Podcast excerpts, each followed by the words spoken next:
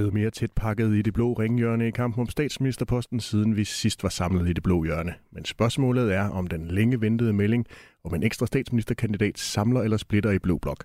Mit navn er Kasper Dahl, jeg er til daglig politisk redaktør på Avisen Danmark, og du lytter til det blå hjørne på Radio 4. Jeg vil også meget gerne høre dine tanker undervejs. Skriv dit input i en sms og send den til 1424, eller ring ind på 72 30 44 44.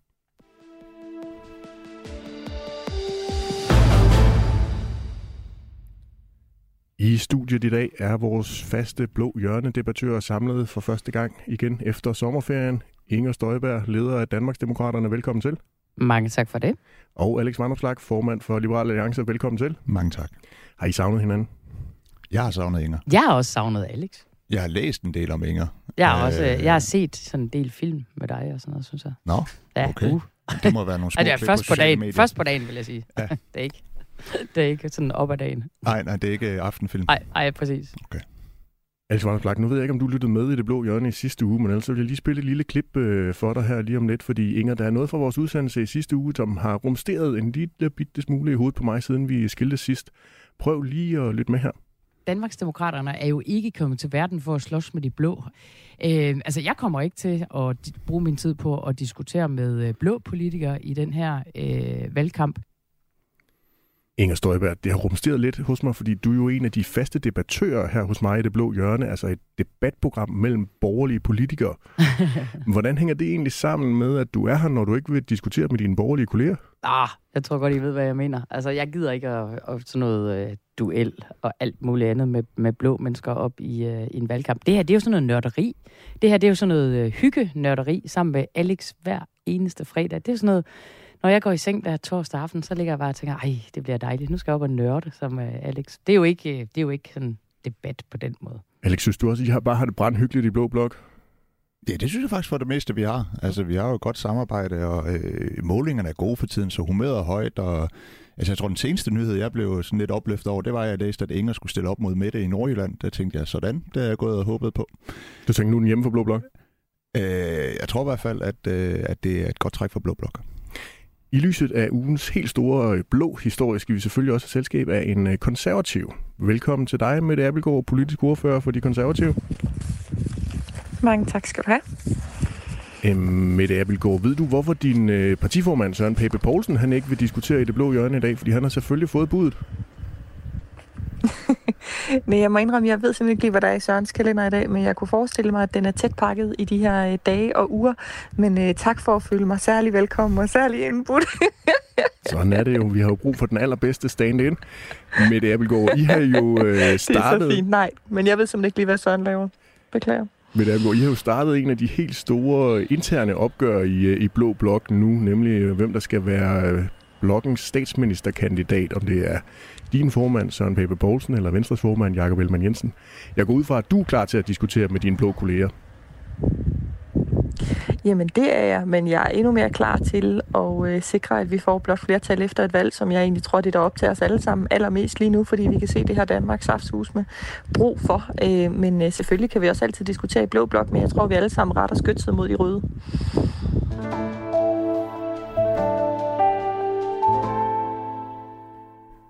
Så skete det, vi alle godt havde set komme. Søren Pape han droppede sit fedtspilleri og sagde sådan her på et pressemøde i mandags. Vi skal passe på Danmark, på vores værdier og identitet. Det går jeg til valg på, og det gør jeg som statsministerkandidat.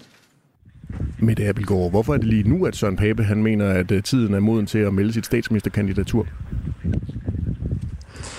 Jamen efter sidste valg, der øh, blev vi godt nok et større parti. Øh, vi blev fordoblet fra 6 til 12 mandater, men øh, samtidig en situation, hvor Venstre de stod og havde mere end 40 mandater. Så det er klart, der har været et magtforhold øh, og et størrelsesforhold, som på mange måder har gjort det meget naturligt, øh, at Venstre øh, stod med, med så at sige øh, saveretten. Øh, og, øh, og det har taget noget tid at få nogle målinger, hvor vi var mere ligebyrdige. Den dag, hvor Søren meldte sit statsministerkandidatur, eller var det dagen for inden, der kom der en, en måling, hvor der var 0,1 øh, procent i, i størrelsesforskel øh, mellem de to partier. Og det er klart, at vi har gerne vil føle os sikre på, at øh, de bedre og bedre målinger, vi fik, at de ligesom var kommet for at blive, før vi øh, annoncerede, at, øh, at vi som, som parti og Søren som øh, leder øh, gik efter statsministerposten. Så det er meningsmålingerne, der styrer jeres ageren i det politiske landskab? Man skal have en vis, øh, man skal have en vis størrelse som parti, før man er i stand til at sætte sig i statsministeriet. Øh, jeg tror ikke, det vil være specielt hensigtsmæssigt, at det var et meget lille parti, der sad med statsministeransvaret og med det øh, og de opgaver, der følger med der. Så, så ja, selvfølgelig spiller det da en rolle, hvor stort et øh, parti man er. Øh, men øh, man kan jo altid diskutere, om man skulle have gjort det en måned eller to inden eller senere. Og øh, nu endte det så med, at vi skal have et, et valg formentlig meget snart. Øh, og så, så er det klart, så skulle Søren øh, melde ud, inden der lovede vælgerne. Men hvis Venstre nu ikke var brændt sammen tidligere i den her valgperiode, og nu øh, lå på, ligger på de der 15 procent plus minus, så havde I måske ikke meldt jeres statsministerkandidatur? Jamen det kan sagtens være, at hvis Venstre de stod til at få mere end 40 mandater i Folketinget efter næste valg, og vi stadigvæk stod til at få øh, 12 mandater efter et folketingsvalg, så kunne det sagtens være, at øh, vi ikke som parti og Søren som leder havde vurderet, at statsministeriet var en, øh, en mulighed. Jeg tror, alle politikere, sådan skal det jo være, har ambitionerne om at komme i statsministeriet. Det er jo derfor, vi er i politik. Vi vil have indflydelse, og vi vil forandre Danmark i den retning, vi drømmer om. Men man skal selvfølgelig også lige gå op med sig selv, om det er nogenlunde realistisk, at man kan ændre. eller så så bliver man jo bare til grin, hvis man melder sit statsministerkandidatur, og alle i hele verden tænker, øh, at det aldrig nogensinde kommer til at ske. Tre debattører, jeg synes lige, I skal prøve at lytte med på øh, det her lille klip. Hvad og hvem vil du gerne være? Vil du være en, der gør dig svagere, end du behøver at være, og forventer, at alle andre skal løse dine problemer? Eller vil du hellere være en, der er klar til at tage livet og ansvaret på dig?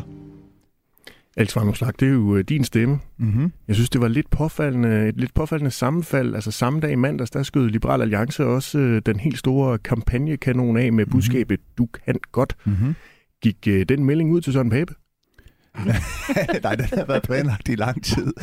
øhm, og kampagnen kommer også til at rulle sig ud den, den, den, den kommende tid og blive endnu mere synlig, så det glæder mig til. Og, altså, jeg, jeg, jeg, som alle andre tror jeg tit, man tænker over, at øh, hvad er det, der gør, at man har de politiske holdninger, man har? Altså, hvad er det, der ligger bag øh, hvad, hvad er lavet bag øh, de umiddelbare politiske holdninger, og, og der er jo tænkt meget om, for mig handler det egentlig også meget om øh, øh, livssyn og livsindstilling, altså at man tror på, at det enkelte menneske øh, kan mere, end, end, end, øh, end man måske umiddelbart skulle tro, og at, øh, at man ikke altid skal overlade alt til, til politikerne, sige, det må være dem, der løser ens problemer.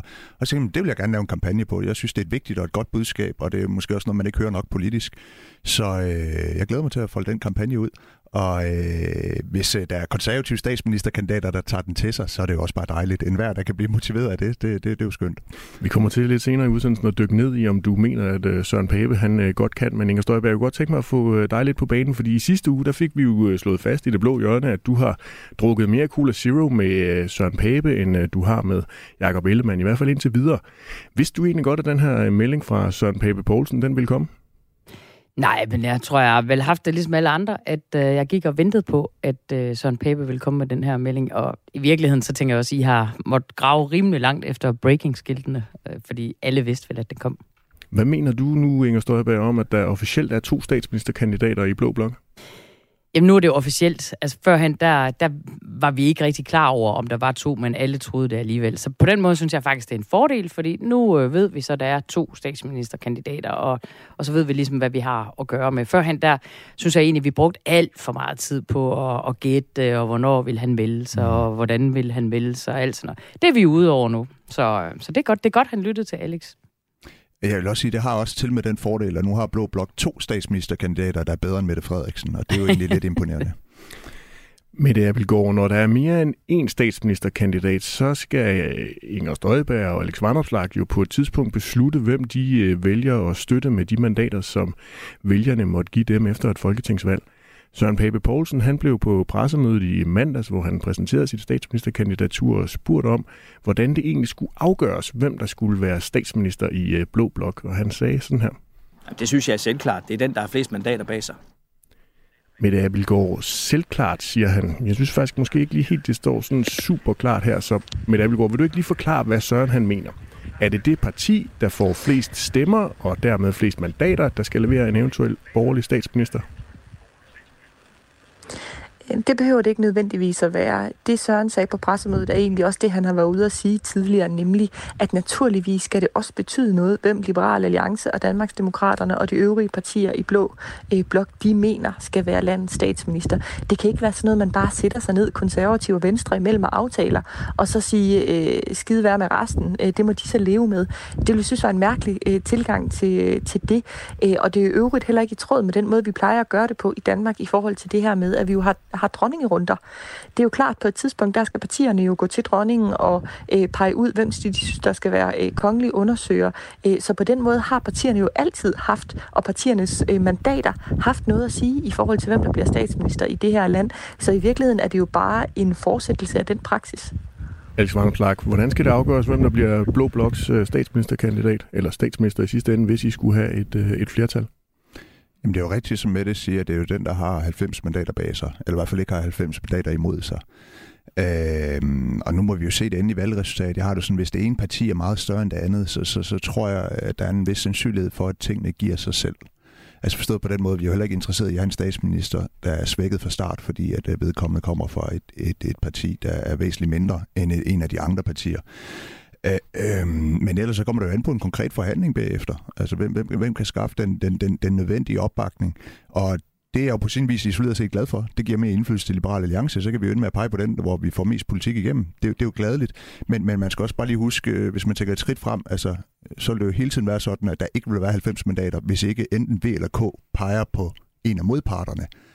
Så, så når man tænker på det, kunne der jo godt være noget fornuftigt at sige, okay, de laver en intern aftale om, at det er det største af de to partier, der har den. For ellers vil de jo hele tiden kunne blokere for hinanden. Men, men det må Opfordrer vi jo tage... du til det? Nej, men prøv at, jeg har det sådan, det er jo ikke mit bord, det der. Det, det må de selv øh, finde ud af, hvordan Nå, de gør. men de vil jo gerne have de mandater. Øh, ja, men altså, jeg vil godt kunne se noget fornuftigt i det, hvis det er, det går i hårdklude bagefter. Men, men når det så er sagt, altså, jeg skal jo ikke sidde her og sige, at Liberale Alliance skal have mindre at sige. Altså, jeg, jeg nyder, at der er to øh, statsministerkandidater, og så, så vil jeg da bruge den øh, lejlighed til at få mest muligt af Liberale Alliance politik igennem. Det er trods alt det, jeg er, jeg er sagt sat i verden for. Jeg er sat i verden for så meget andet også, men, men i hvert fald sat i den politiske verden for.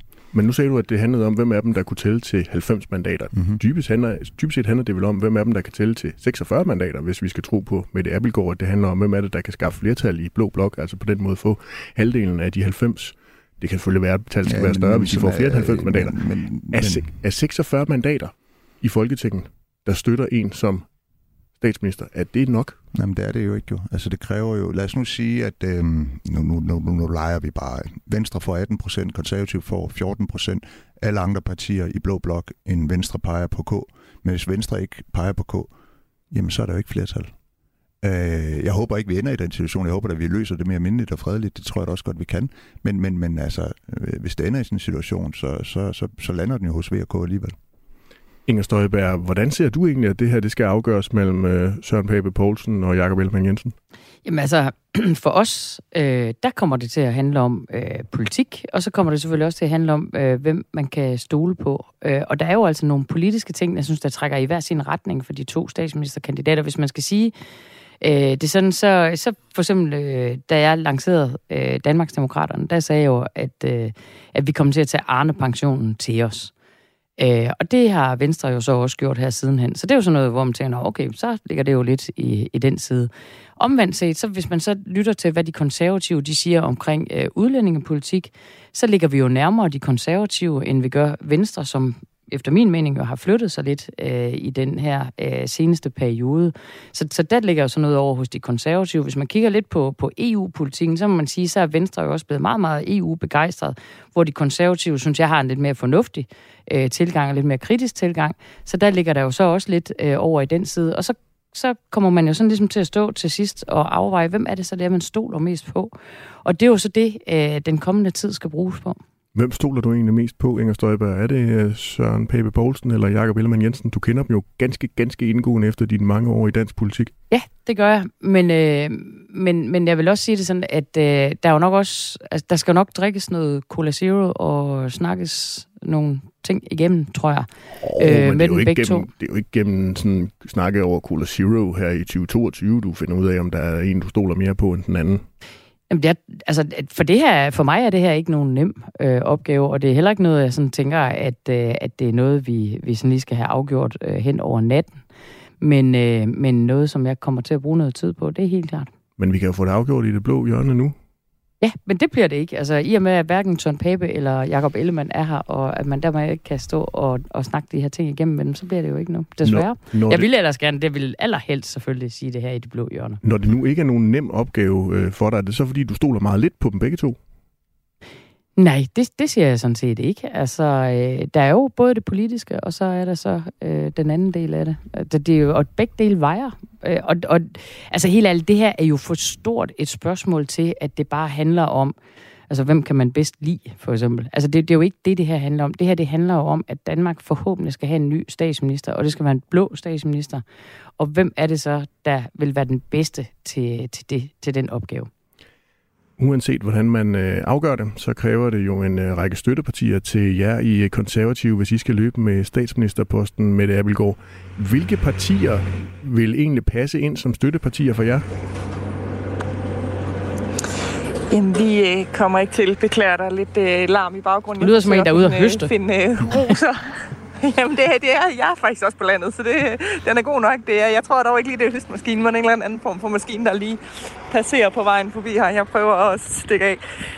Øhm, jeg håber, det bliver en lille smule bedre her. Det gjorde det med det, Jamen, vi har, vi har sagt meget øh, klart og tydeligt, at, øh, at vi ser øh, på mange måder Venstre og Konservative udgøre sådan en, en akse i forhold til en fremtidig blå regering, og hvem det så ellers skal bestå af, det må tiden vise, og det kommer an på, hvilke partier, der også er interesseret i det, som har et ønske om det.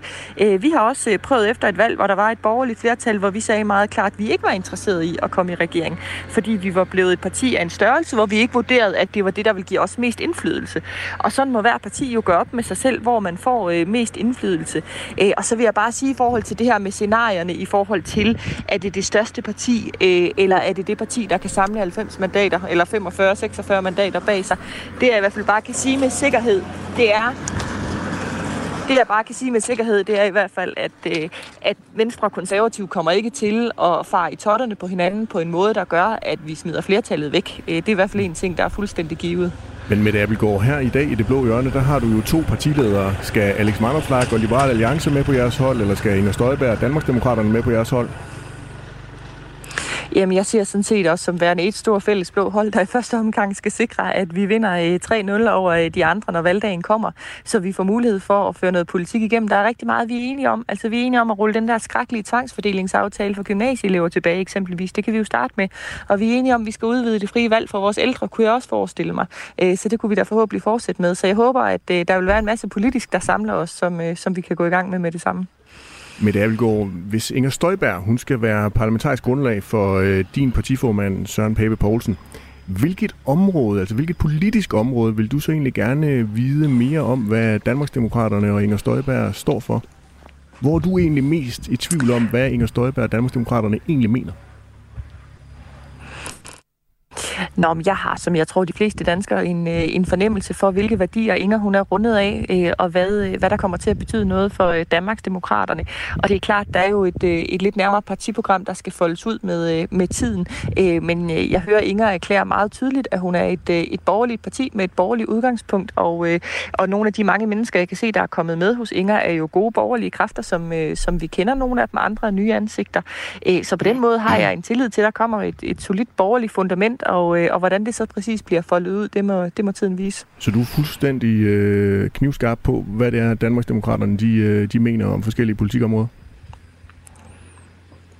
Nej, det var faktisk ikke det, jeg sagde. Jeg sagde, at jeg havde en fuldstændig tryghed i forhold til, at der kommer et godt, øh, at man kommer med et godt borgerligt værdigrundlag. Øh, og jeg kunne ikke forestille mig, at et borgerligt værdigrundlag vil øh, folde sig ud i eksempelvis en uddannelsespolitik, som jeg synes er helt på månen, øh, eller, øh, eller tilsvarende på andre politikområder. Så, øh, så på den måde har jeg en tiltro til det værdigrundlag, der ligger bag.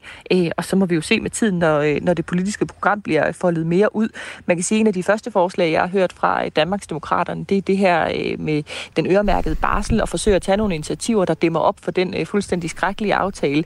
Øh, og det vil vi konservative meget gerne være med til at se på. Vi har så nogle lidt andre forslag i forhold til, til det, øh, men, øh, men øh, selve udgangspunktet er vi i hvert fald fuldstændig enige om, nemlig at begrænse skaderne af den her øremærkede barsel. Men nu har du jo muligheden for at vise lidt nysgerrighed på, hvad Danmarksdemokraterne egentlig mener. Er du slet ikke nysgerrig? Jo, men jeg tror egentlig, jeg vil bruge mit krudt på at fortælle, hvad det konservative Folkeparti øh, står for. Øh, selvom at jeg hilser øh, Danmarksdemokraterne velkommen og tænker, at vi får et øh, glimrende samarbejde med dem, så er jeg nu engang repræsentant for det konservative Folkeparti. Og min opgave er at fortælle danskerne, hvad jeg står, på, står for. Og så er jeg egentlig tillid til, at, øh, at Inger og øh, kollegaerne i Danmarksdemokraterne, de nok skal folde ud for danskerne, hvad, øh, hvad de kommer til at, at gå til valg på. Alex Vandersblak, du har jo tidligere været meget nysgerrig på, hvad Inger Støjberg og Danmarksdemokraterne de egentlig mener om forskellige emner. Måske kan du hjælpe med det Appelgaard lidt her på vejen? Hvor er du Jamen, nysgerrig på, øh, Inger Støjberg? Øh, må, måske egentlig på synet på den offentlige sektor og de offentlige udgifter. Altså, hvor, hvor meget skal det offentlige forbrug stige, eller skal der måske øh, spares i den offentlige sektor? Og så også øh, noget af det, som øh, fylder meget for mig, og jeg tror egentlig også, det fylder en del for Mette Appelgaard, øh, det er øh, i forhold til at sikre mere konkurrence øh, i, i den offentlige sektor. Altså, at vi giver bedre vilkår for, at private aktører kan få lov til at øh, levere velfærd, starte frie børnehaver, frie skoler, frie plejehjem og give danskerne et reelt frit valg, hvor der ikke er sådan en kommune som mellemmand. Altså, hvad, hvad er ambitionerne på det område? Fordi det er noget af det, som jeg ser som den vigtigste borgerlige opgave, det er at Jamen, jeg har lyst til at sige fremtidssikre velfærdssamfundet gennem mere konkurrence og nytænkning og øh, have borgeren mere i fokus ved at lade pengene følge borgeren. Inger Støjberg, frit valg og størrelsen på den offentlige sektor. Hvad, hvad tænker du og Danmarksdemokraterne? Jamen, det er jo ikke særlig mange udsendelser siden, at øh, vi jo netop diskuterede uh, lige præcis det, uh, og, og hvor jeg også sagde, og det er så også Danmarksdemokraternes uh, politik, at uh, vi ser den offentlige sektor stige i forhold til altså det demografiske træk. Men, men vi var også rigtig meget inde omkring dengang, at der også er nogle ting, hvor man kan gå ind og effektivisere, men især afbiokratisere. Uh, og jeg kan faktisk huske dig, Alex, i det, uh, i lige præcis det program uh, fremhæve, øh, Øh, omkring øh, øh, alt det, vi oplevede omkring øh, corona, og hvordan man kunne se på sygehusene, hvordan at man øh, jo fik en langt mere effektiv øh, hverdag, fordi at man faktisk fik skåret en masse byråkrati væk. Og sådan nogle ting, synes jeg, at vi skal arbejde fælles hen imod, og det tror jeg vidderligt, at alle blå partier er fuldstændig enige om, at det er da den vej, vi skal gå. Og vi er tilhængere af frit valg, det kan jeg roligt sige. Øh, jeg mener bestemt, at øh, den, der bedst er, at den, der bedst bestemmer over sin, sin egen hverdag, det er da den enkelte selv. Og det er da præcis også derfor, at øh, vi jo også, også tidligere i øh, en udsendelse har talt om øh, omkring øh, gymnasie. den, den nye og meget dårlige aftale der på gymnasieområdet, hvor man bare tvangsfordeler eleverne. Det tror jeg ikke gør noget særligt godt for familierne. Jeg tror faktisk, øh, altså det er ikke det er nærmest hver dag, synes jeg, at man hører om unge mennesker, der sidder og er bange for, hvilke gymnasier det er, de kommer til at gå på, øh, hvis, øh, hvis det her det bare øh, fortsætter. Alex Vanderslag, lytter du ikke, Esper, lytter du ikke efter, når øh, Inger Støjberg, hun det tænker jeg, at brugt en hel time på altså, og, og jeg kan godt huske det nu, og ved du hvad, alle, der kender mig rigtig godt, vil vide, at uh, min største svaghed er min hukommelse. Men den lå uh, dybt begravet. Men så har jeg egentlig et andet spørgsmål, og det håber jeg så ikke, vi har talt om. Jeg ved jo godt, at, uh, at Danmarksdemokraterne fortsat går ind for, at Danmark skal være medlem af EU. Jeg tror, vi ser meget ens på EU, men det er en helt anden snak. Men, men i forhold til internationale konventioner, international lovgivning, øh, er det Danmarksdemokraternes holdning, at en, en kommende blå regering skal, skal overholde de love, altså respektere øh, konventionerne. Jeg er med på, at man godt kan gøre mere for at gå til kanten af dem og udfordre dem og se, hvad, hvad, hvad, hvordan det ledes. Men, men hvad, hvad er egentlig Danmarksdemokraternes holdning i forhold til konventionerne? Skal, skal en regering holde sig inden for de rammer, der er? Ganske øh, kort, Inger Støjberg, fordi vi kan... Sig mig en gang, Alex, hørte du ikke med sidste uge, bare Ej, fordi du ikke kan, selv var med? Vi kan give Alex lektier for. Vi brugte en hel time på det. Nej, vi giver, vi giver Alex, Alex, Alex, Alex, jeg troede faktisk, du var så lidt mere entusiastisk omkring det her program. Jamen, vi, se, vi diskuterede det faktisk meget i sidste uge, og, ja. og det gjorde vi selvfølgelig, fordi det var der Messerschmidt øh, blandt andet var med. Øh, og, og det samme var Lars Bøje. Og ja. det kom af gode grunde til at handle rigtig meget omkring øh, konventioner. Altså, vi ser faktisk meget ens på det, tror Vandrup, jeg, du og jeg. Inger Støjberg, Vandopslag, han, han det, melder det fuldstændig Okay, han hører det, men, men det brød jo også helt ned. Det kan jo simpelthen være, at du er en af de mange, der ikke kunne komme ind og høre det, fordi hele systemet brød ned. Jamen, jeg, jeg, jeg var optaget af noget andet. Jeg havde faktisk gemt den som podcast. Jeg tænkte, den her, den skal jeg have lyttet til, og ja. så øh, skete der alle mulige ting. Glæder. Jeg, jeg går i skammekrogen og lader være med at stille flere spørgsmål. Vandopslag, han ligger sig ned og ruller rundt og udviser max ydmyghed, kan jeg øh, fortælle her i, i studiet. Vi suser meget hurtigt videre til øh, næste emne, fordi øh, der skal også uddeles nogle ministerposter i den her nye øh, blå øh, regering, og med den nye statsminister øh, Søren Pape Poulsen på, øh, på banen. Så øh, Mette Abelgaard, hvilken ministerpost kunne du egentlig godt tænke dig? Altså jeg vil sige, jeg kan huske, jeg var, da Jacob Ellemann han blev miljøminister, der var jeg til hans øh, tiltrædelses øh, arrangement derovre i øh, ministeriet, hvor han jo blev forholdt citatet om, at han engang havde sagt, at han ville være minister for det hele med undtagelse af miljø. Det gad han simpelthen ikke. Det var, for, øh, det var slet ikke ham. Øh, og jeg synes, øh, belært af den erfaring, så er det jo noget, man skal øh, passe på med at udtale sig om. Øh, så det vil jeg også have holdt mig fuldstændig fra. Altså det, det kommer jeg overhovedet ikke til at gå ind i. Men altså, selvfølgelig har man som øh, politiker og som folketingsmedlem øh, over et par år, øh, kunne det da være fantastisk sjovt at prøve at blive minister. Det hører jeg da fra de af mine kollegaer, der har været det, at det er spændende, og det er en mulighed for at sætte en aftryk på en helt anden måde, øh, men, øh, men jeg kommer ikke sådan lige til at udpege et eller andet område. Vi har jo to her i studiet, som øh, også er meget involveret i dansk politik, må man sige. Den ene har sågar prøvet at være minister. Alice Vandopslag, hvilken ministerpost kunne du egentlig se med det Abelgaard her? Hmm. Det er jo et godt spørgsmål. Hmm. Jeg vil gerne byde ind. Jamen det, det kan godt være, altså måske, uh, måske noget børne- og undervisningsminister. Mm. Få noget konservativ skolepolitik, altså rigtig konservativ. Inger Støjberg, hvilken ministerpost skal Mette Abelgaard her? Jamen, øh, jeg tror faktisk, øh, Mette vil øh, være rigtig god på, på netop altså det sociale område eller skoleområdet. Noget, der har med familie og sådan nogle lidt øh, blødere værdier at gøre.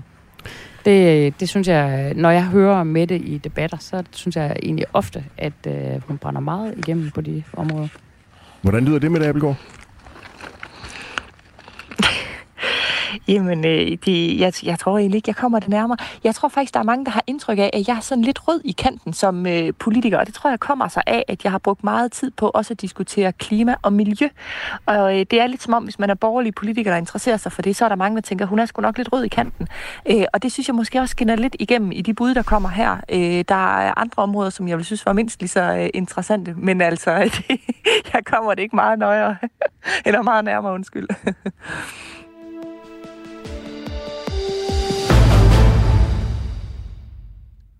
Mette Abelgaard, hvis nu Danmarksdemokraterne er med til at skabe et øh, politisk øh, fundament, et politisk grundlag, måske sågar også et regeringsgrundlag med, øh, med Søren Pape Poulsen i spidsen, hvor meget kan Inger Støjberg så regne med at få tilbudt en ministerpost?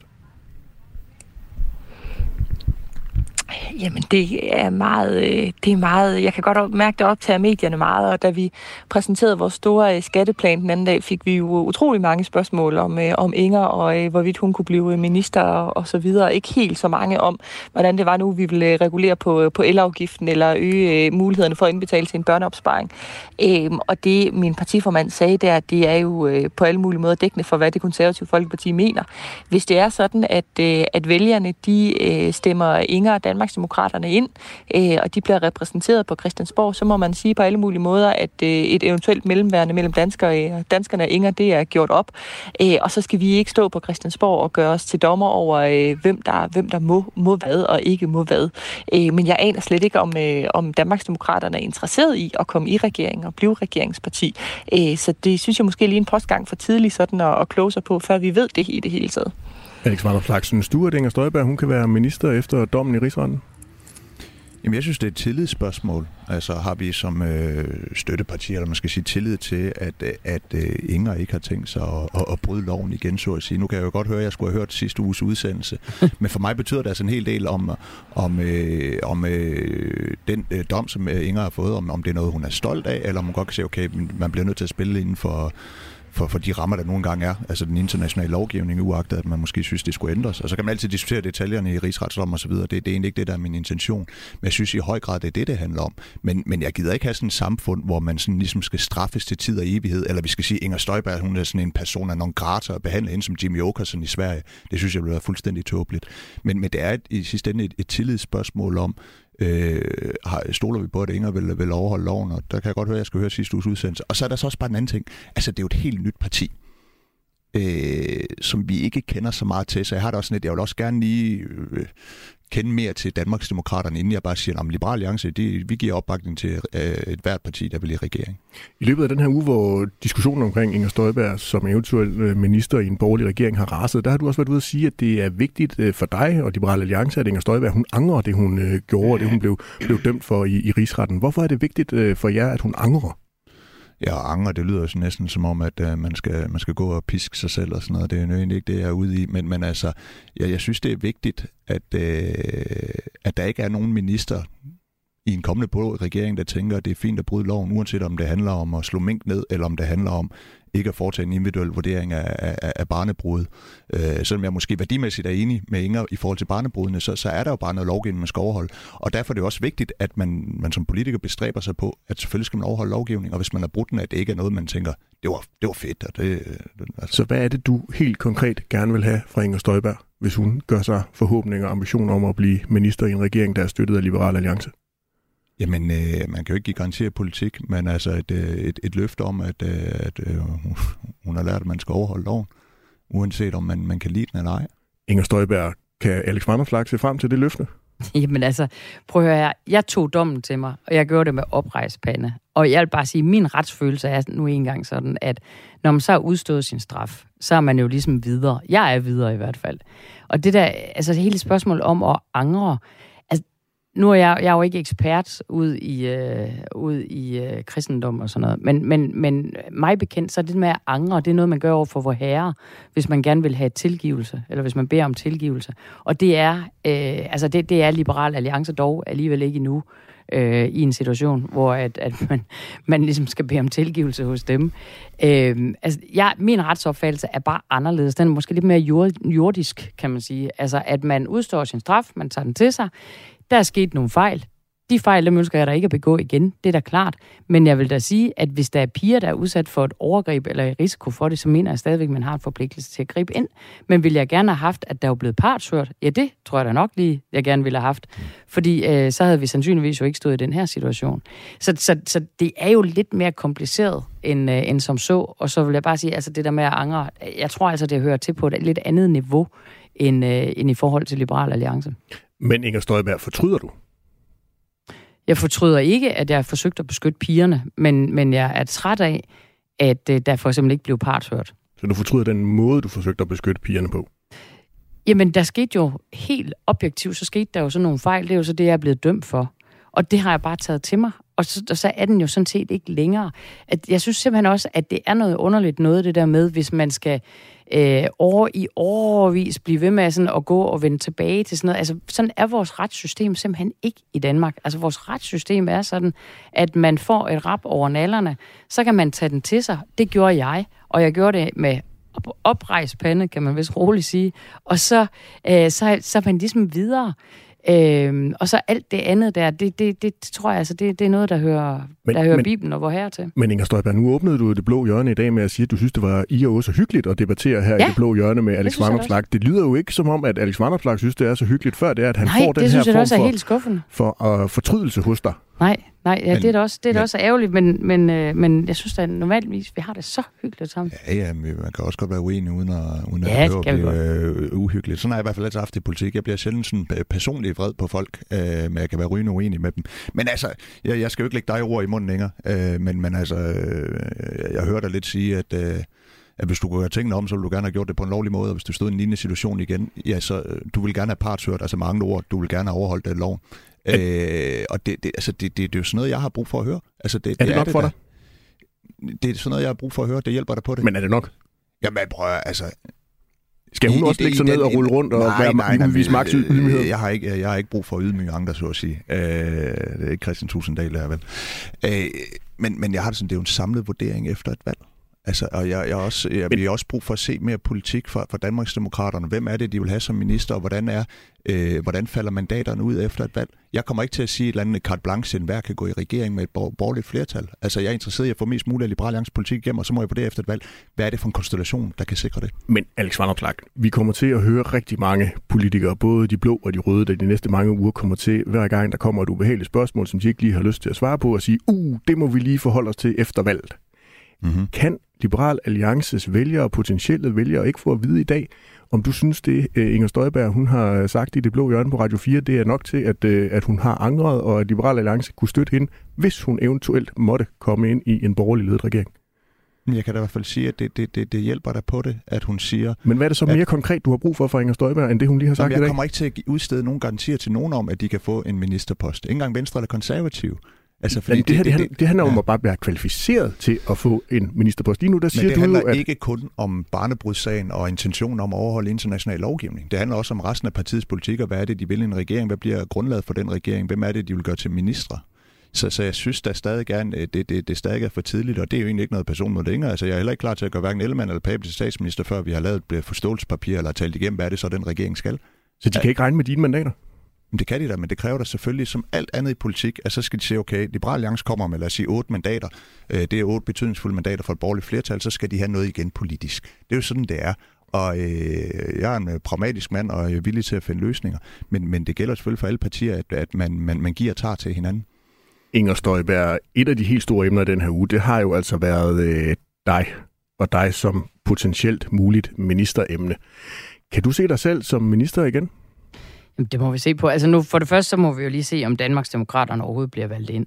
Altså, der, jeg ved godt, at øh, der er fine meningsmålinger og sådan noget, men, men sådan rent politisk set, så er der jo faktisk rigtig lang tid til et valg. Jeg ved godt, der ikke er sådan datomæssigt lang tid, men, men politisk set, så er der jo. Så, så nu, skal vi lige, nu skal vi lige have partiet valgt ind. Så skal vi se, hvordan bliver valgresultatet. Så skal vi jo altså også lige se, om der overhovedet bliver en borgerlig regering. Og så kan vi begynde med at tage stilling til alle de der ting. Så jeg har det måske lidt sådan, altså jeg, jeg har også stået og, og betragtet det der øh, øh show, vil jeg næsten sige, som, som der er kørt omkring, hvorvidt at den ene og den anden kan være minister og sådan noget, hvor jeg tænker, altså, skulle vi nok ikke lige prøve at, at vinde valget først? Altså, det, man, man, altså, det er lidt ligesom at, at, at købe, øh, at købe øh, brasso til at, at pusse øh, hvad hedder, pokalen inden man overhovedet har spillet kampen. Altså, skal vi nu ikke lige...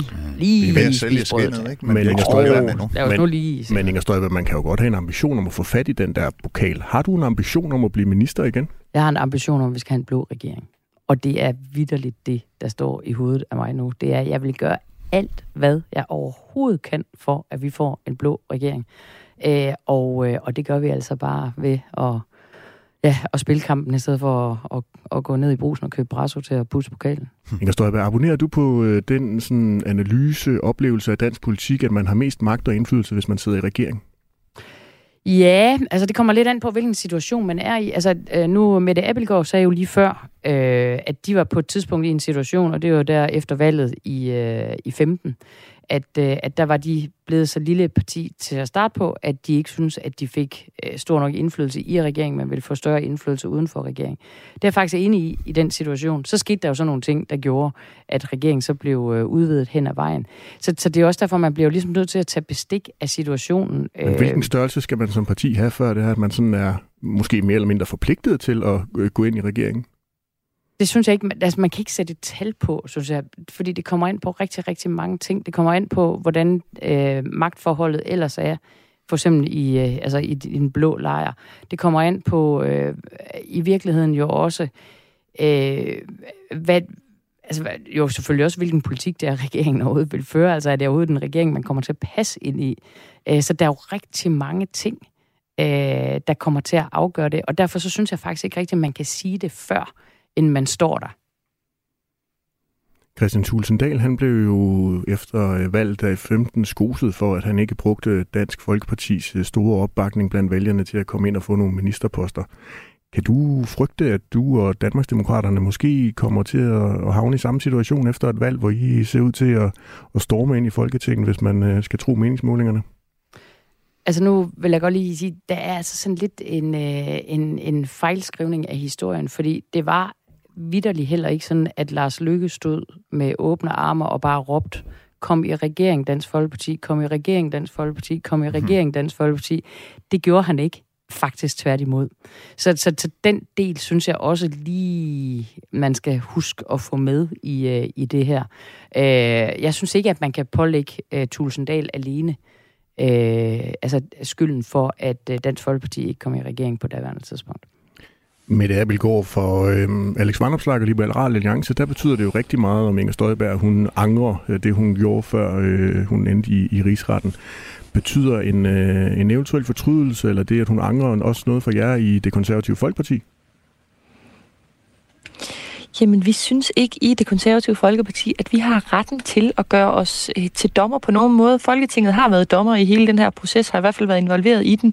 Øh, der kom rigsret, det er overstået nu. Inger har afsonet og, og er ude på den anden side hvis danskerne viser Inger og Danmarksdemokraterne opbakning til et valg, så er det jo danskerne, der har været dommer der og sagt, ved du hvad, det er fint, lad os komme videre.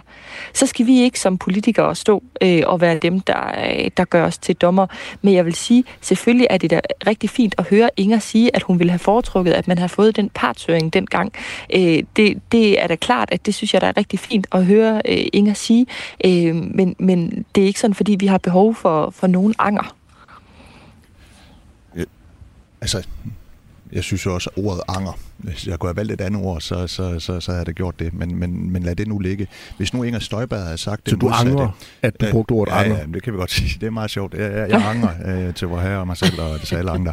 Men altså, hvis nu vi forestiller os, at, at du Inger havde sagt lige før, jamen du fortrød ingenting, og hvis, hvis, hvis, hvis du blev minister igen, og du stod mellem valget mellem at lad os sige, beskytte pigerne og bryde loven, eller overholde loven, og så øh, føle, at øh, du ikke gjorde nok for de her piger, jamen så synes jeg, at det vil være bekymrende. Selvfølgelig vil jeg ikke sige, at du vil være uværdig til Folketinget, eller ikke respektere danskernes valg, men, men det er jo et spørgsmål om, når man gør nogen til minister, så er det jo tillidsspørgsmål. Det er også derfor, at minister bliver væltet. Det er jo, altså, Benny Engelbrecht, han blev væltet i den her valgperiode. Det er jo ikke, fordi man ikke respekterede valgets tale, at danskerne valgte ham ind. Det var, fordi der var et flertal, der ikke havde tillid til ham. Så hvis nu Inger har sagt det modsatte, så vil jeg synes, det var svært at sige, om du skal da bare blive minister igen med den intention at bryde loven. Nu er det ikke det, Inger siger, og det synes jeg er betryggende. Så men, nu har du tillid til hende? Nej, jeg synes, det er da mere betryggende. Men, men, men, men altså, bare lige, bare lige så ja. lige for en god hånds skyld, jeg har ja. godt nok sagt mange gange det der med, med partshøring, altså, og, og peget på, at det kunne da være en fordel, hvis vi havde partshørt, i og med, at det var et problem i, uh, i rigsretten. Fordi det, der havde jo i virkeligheden mm. ikke sket noget som helst ved det. Altså, fordi at, det, altså, pigerne, de skulle jo adskille sig, ikke også, hvis man overhovedet kunne gøre det. Og den partshøring, den kom bare ind for sent. Alex Vanderslag, hvad er det helt konkret, udover det, du har hørt i det blå hjørne i dag, du mangler fra Inger Støjberg, før det er, du kan sige, Inger Støjberg, det er okay, du bliver minister igen? Men det er jo en konkret forhandling efter valget, jo. Så nu er det en forhandling? Jamen, nu handler det ikke om, hvad Inger Støjberg mener? Jamen, det handler det da også om. Det handler da også om, hvad er det for en politik, øh, Danmarksdemokraterne går til valg på. Selvfølgelig gør det det. Altså, hvis, hvis de ender med at øh, Øh, blive sådan en dansk folkeparti 2.0, så er det jo ikke sikkert, at øh, altså sådan, med sådan noget meget socialdemokratisk politik, så er det jo ikke sikkert, at jeg synes, at det skal være et parti, der er i regering. Så det må vi jo tage efter et valg. Men jeg afviser ikke noget kategorisk.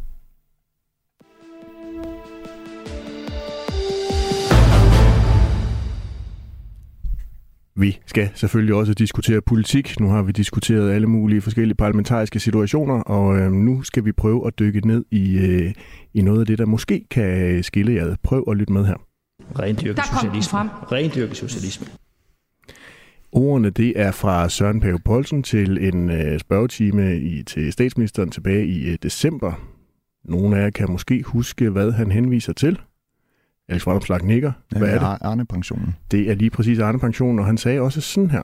Det at indføre en generel ret, der ikke handler om nedslidning, bare handler om, har du været nok år på arbejdsmarkedet, endda på deltid, så skal man bare kunne trække sig fra andre folks penge. Det synes jeg er en mærkelig måde at sige det på. Jeg synes, Arne Pension er forkert. Inger Støjberg, det var rendyrket socialisme for Søren Pape Poulsen tilbage i december. For Danmarksdemokraterne, der har Arne Pensionen jo været en af de første ting, I var ude og, øh, og frede. Er du så formand for et socialistisk parti? Nej, altså det går egentlig heller ikke ud fra, at Jacob Ellemann er. Øh, nej, altså når jeg har det sådan med Arne Pension, så handler det altså også om, at jeg synes, der er et problem i, hvis vi hele tiden går og flytter rundt på pensionsreglerne. Øh, og nu er den der. Og, og så, så må det være sådan. Altså, det er, jo ikke, det er jo ikke en pension, jeg har fundet på. Og det er jo nok heller ikke lige noget, der vil have groet i min have. Men omvendt set, så må man også bare sige, skal man hele tiden gå og ændre på de pensionsregler. Det, det, det synes jeg ikke, at, øh, at man skal. Mette Abelgaard, tilbage i december, der var din øh, partiformand utrolig skarp i retorikken omkring den her Arne-pension. Er I lige så skarpe i dag? Ja, altså vi synes ikke, at pensionen er nogen god ordning. Vi synes, den i virkeligheden giver danskerne et forkert indtryk af, at den jo netop er den her pension for de nedslidte, og det er ikke nødvendigvis det, der er tilfældet. Man kan have siddet mange år på kontor i en deltidsstilling og så få ret til Arne-pension, mens en, der har været ude og have hårdt fysisk arbejde, men måske lige har haft det i et halvt år for lidt, ikke kan få den. Øh, det synes vi egentlig er sådan grundlæggende urimeligt, så derfor kan vi bare bedre lide den seniorpension, som øh, vi indførte, da vi var i regeringen sidst, som er til de, der er reelt nedslidte, og som jo øvrigt også giver en, en noget højere ydelse. Øhm, så, så på den måde foretrækker vi klart seniorpensionen over for Arne-pensionen. Vi har så også sagt, de, der er blevet tilkendt den, de skal selvfølgelig kunne regne med, at når man får noget at vide fra det offentlige, at så er det sådan, det er. Så vi har jo ingen plan overhovedet om at tage det fra dem igen.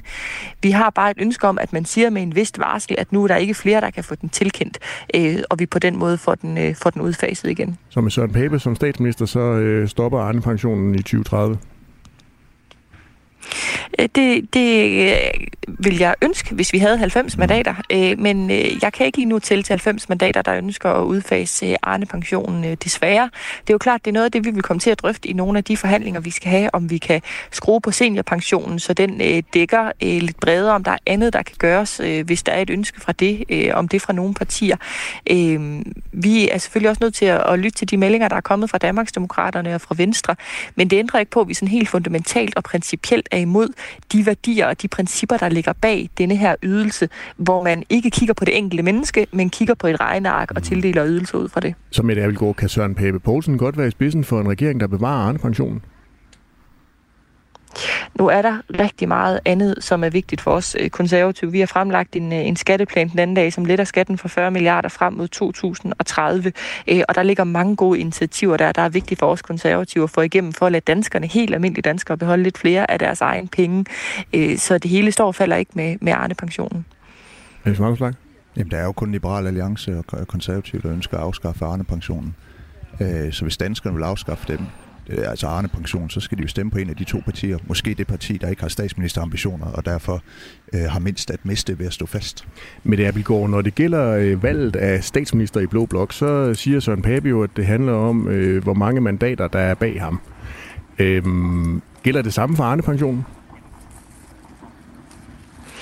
Ja, det er jo klart, at vi kan ikke øh, afskaffe pensionen, hvis der kommer øh, mange partier ind i forhandlingslokalet og siger, det er bare fuldstændig no-go for os. Vi kommer aldrig nogensinde til at acceptere det her, fordi det har vi givet som løfte til danskerne. Øh, så kan det se rigtig svært ud at få ændret øh, på det.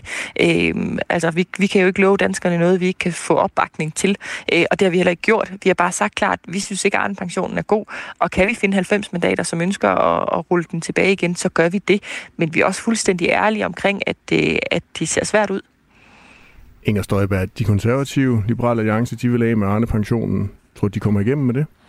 Jamen det ved jeg ikke. Altså, det jeg sagde, da, da Danmarksdemokraterne blev lanceret, det var, at, øh, at vi kommer ikke til at stemme for en afskaffelse. Det er jo ikke det samme som at sige, at man, hvis, hvis de konservative nu bare bliver kæmpestore sammen med Liberale Alliance, mm. og at man så kan, kan skaffe et flertal, så må de jo så gøre det, men det bliver bare ikke med vores stemmer. En det gør det KLA-regering med 90 mandater. Ja, bliver det ikke spændende? Oh, det, det, det så, gør det så godt bliver vi trukket økonomisk mod højre. Hvor bliver vi trukket? Det dig for. økonomisk mod højre. Kan det være støttet, Inger Støjberg? KLA-regeringen, kan det være støttet af Danmarksdemokraterne? Jamen, det kommer meget an på indholdet. Nej, men det, det jeg bare siger, det er bare, at, at vi kommer ikke til at lægge stemmer til det. Det gør vi ikke, og det gør vi ud fra, fra de ting, som jeg har sagt, at... Øh, Altså, jeg, jeg synes ikke, at man skal gå og ændre på de pensionsregler. Det er noget, der betyder rigtig meget for mange mennesker, og som har tilrettelagt de sidste år på arbejdsmarkedet efter det. Og, øh, og så må det være sådan. Øh, og, og nej, det er ikke noget, der er vokset i min have i sin tid. Men, øh, men omvendt set, det skal, også, det skal også være rimeligt over for de mennesker, der nu har planlagt deres, øh, de sidste år på arbejdsmarkedet efter det.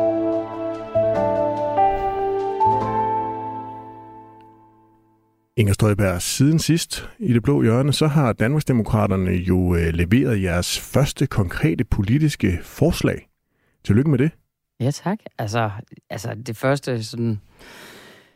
Ja, altså jeg vil ikke sige det første forslag, vi har jo sådan set sagt mange ting, synes jeg, sådan i, i tiden. Så nu har vi det også lige stået og diskuteret en hel del ting her i dag. Men det er rent nok. Det er sådan det første, hvor jeg sådan har ringet til en journalist og sagt, hej, var det noget for dig, jeg skrev om? Jeg, hænger, jeg hedder Inger Støjberg. Ja. Jeg vil ikke snakke om at være minister, for, men jeg for vil... Danmarksdemokraterne. Ja. for ja, Danmarksdemokrater, var det noget for dig? Forslaget, det går, det forslaget det går ud på, at I gerne vil give ni ugers ekstra barsel til ja. fri fordeling mellem forældrene. Ja. Det skal finansieres gennem udviklingsbistanden. Det er vel ret beset en lille fuckfinger til den nye barselsårlov, der lige er trådt i kraft på baggrund af EU's direktiver om øremærket barsel. Jeg havde måske ikke lige set for mig, at det var familiepolitik, I uh, skulle Nej. spille ud med øh, først. Hvorfor er det lige det her forslag, Inger Støjberg? Det er fordi, jeg synes, det er vigtigt, at øh, familierne de ikke bliver frarøvet de øh, ni uger, og det er jo det, der reelt sker. Øh, fordi der er rigtig mange familier, der ikke kan få, øh, få det til at passe ind, at øh, faren lige nøjagtigt skal tage de ni uger, og så betyder det bare, at barnet kommer ni uger før i øh, daginstitution. Og det mener jeg bare, at ting, som EU simpelthen ikke skal blande sig i. Øh, så så, så det, er jo, det, det er jo også fordi, at jeg ønsker også lige at sætte den der fod ret klar ned omkring, hvad er det der EU skal blande sig i, og hvad er det EU ikke skal blande sig i. Og det her, det er bare langt over grænsen for, hvad EU skal blande sig i. Og det fortæller ret godt, hvor det er, vi står i forhold til hele spørgsmålet omkring EU. At, øh, at, at det, det er simpelthen grebet om sig. Og det øh, griber alt for meget ind i vores øh, hverdag på ting, som de slet ikke skal bestemme. Med det Abelgaard, havde du regnet med, at det var familiepolitik, Danmarksdemokraterne de ville spille ud med først? Jamen, det overrasker mig ikke, at Inger har klare holdninger til den øh, øremærkede øh, barsel, øh, og det overrasker mig heller ikke, at de stemmer overens med, med det, vi mener i det konservative Folkeparti. Så, så på den måde synes jeg, det er et godt forslag. Vi har så et lidt andet forslag i forhold til, i stedet for at give tilskud til hjemmepasning, gør det obligatorisk for alle kommuner. Det foreslog vi allerede dengang, vi forhandlede det i ministeriet dengang, men det ville de røde partier ikke være med til af principielle årsager. De synes simpelthen ikke, man skal have lov til at passe sine børn hjemmefrem for at sende dem i institution og få tilskud til det men øh, jeg er fuldstændig enig i, at det her det er et kæmpe stort problem, at der er børn, der kommer tidligere i vuggestue øh, end, øh, eller dagplejen, de havde behøvet, fordi at, at EU og danske politikere synes, at man skal blande sig i det her. Så en konservativ ledet regering med Søren Pape Poulsen i spidsen vil også kigge på det her område? Vi har i hvert fald i vores finanslovsudspil finansieret øh, det her med øh, at gøre det obligatorisk for alle kommuner at tilbyde hjemmepasning i de her ni uger som minimum. Øh, men øh, vi øh, drøfter gerne andre muligheder også. Alex Randers Flak, I er jo også modstander af den her øremærkning af barsel, der er blevet mm. indført. Det her forslag, det må vel lige være vand på, øh, på din mølle, eller hvad? Det er i hvert fald vand på min mølle med modstand mod øh, den, den tvungne barselsfordeling. Jeg, jeg ved ikke helt, om jeg, jeg er så, så begejstret for, for, for Ingers idé, men, men det jeg egentlig hæfter mig ved her, det er, at alle tre partier har et ønske om at give familierne mere frihed, og også give flere familier mere mulighed for at være sammen med børnene, mens de er helt små. Altså vi har jo så foreslået, bare for at komme med en tredje, en tredje ting, vi har foreslået, at man indfører et skattefradrag til at passe sine egne børn. Så hvis der er sådan i en periode, mens børnene er små, at mor eller far enten vil gå ned i tid eller slet ikke arbejde, at så er der et skattefradrag, så det ikke rammer familien så, så, så hårdt, så de kan blive lidt længere hjemme med børnene. Og det er jo tre forskellige forslag, de er ikke ens, øh, men, men, men vi kan jo sætte os ned og sige, okay, vi har den intention og det mål, at det skal være nemmere at være sammen med børnene, mens de er helt små, og også uden at, øh, at øh, EU skal diktere, øh, om det er den ene eller den anden forælder. Og så må vi jo sætte os ned og sige, okay, vi har et fælles mål. Hvordan kan vi finde frem til en løsning, som vi alle sammen kan, kan, kan leve med? Og det synes jeg generelt er en sund tilgang til politik, i stedet for at sige, at det skal være min løsning, så sige, at vi har et mål, et fælles mål, lad os finde ud af, hvordan vi når hen til det mål. Inger Støjberg, det her det var så Danmarksdemokraternes første reelle politiske udspil. Hvor øh, ultimativt øh, er det for jer, at det her det skal gennemføres, hvis der kommer en, øh, en borgerlig ledet regering? Altså, vi har et ultimativt krav, og det er, at der skal være en blå statsminister. Så ikke nogen politiske ultimative krav? Altså, jeg har stadigvæk til gode at se partier, der øh, sådan rigtig kan agere i dansk politik, hvis de er fuldstændig ultimative omkring nogle ting. Øh, men, men jeg synes bare, at det her er en god måde, og jeg synes også, det er en god måde at finansiere det på. Øh, og sådan vil det i øvrigt blive med alle de ting, som, som jeg kommer og lægger på bordet, eller som Danmarksdemokraterne kommer og lægger på bordet nu, de vil være finansieret, så man kan se, hvordan det er, vi vil øh, omprioritere tingene. Så, øh, så på den måde, så øh, er det egentlig lige til.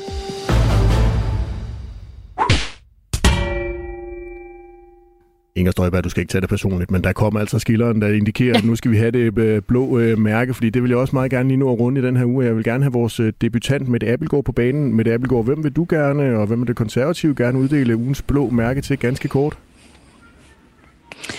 Jeg synes, et bud kunne være ligestillingsordføreren fra Venstre, øh, Maja Torp, fordi jeg synes simpelthen, at Venstre rykkede sig alt for meget på den der dagsorden. Øh, åbner op for at rykke abortgrænsen nu, har tidligere åbnet op i forhold til juridisk kønsskifte til børn, øh, har bakket op om den øremærkede barsel, kvoter øh, for kvinder i bestyrelser osv. Jeg synes, der er mange steder, hvor Venstre begynder at, at rykke sig lidt på den øh, dagsorden i en retning, jeg ikke øh, synes er ret øh, betryggende.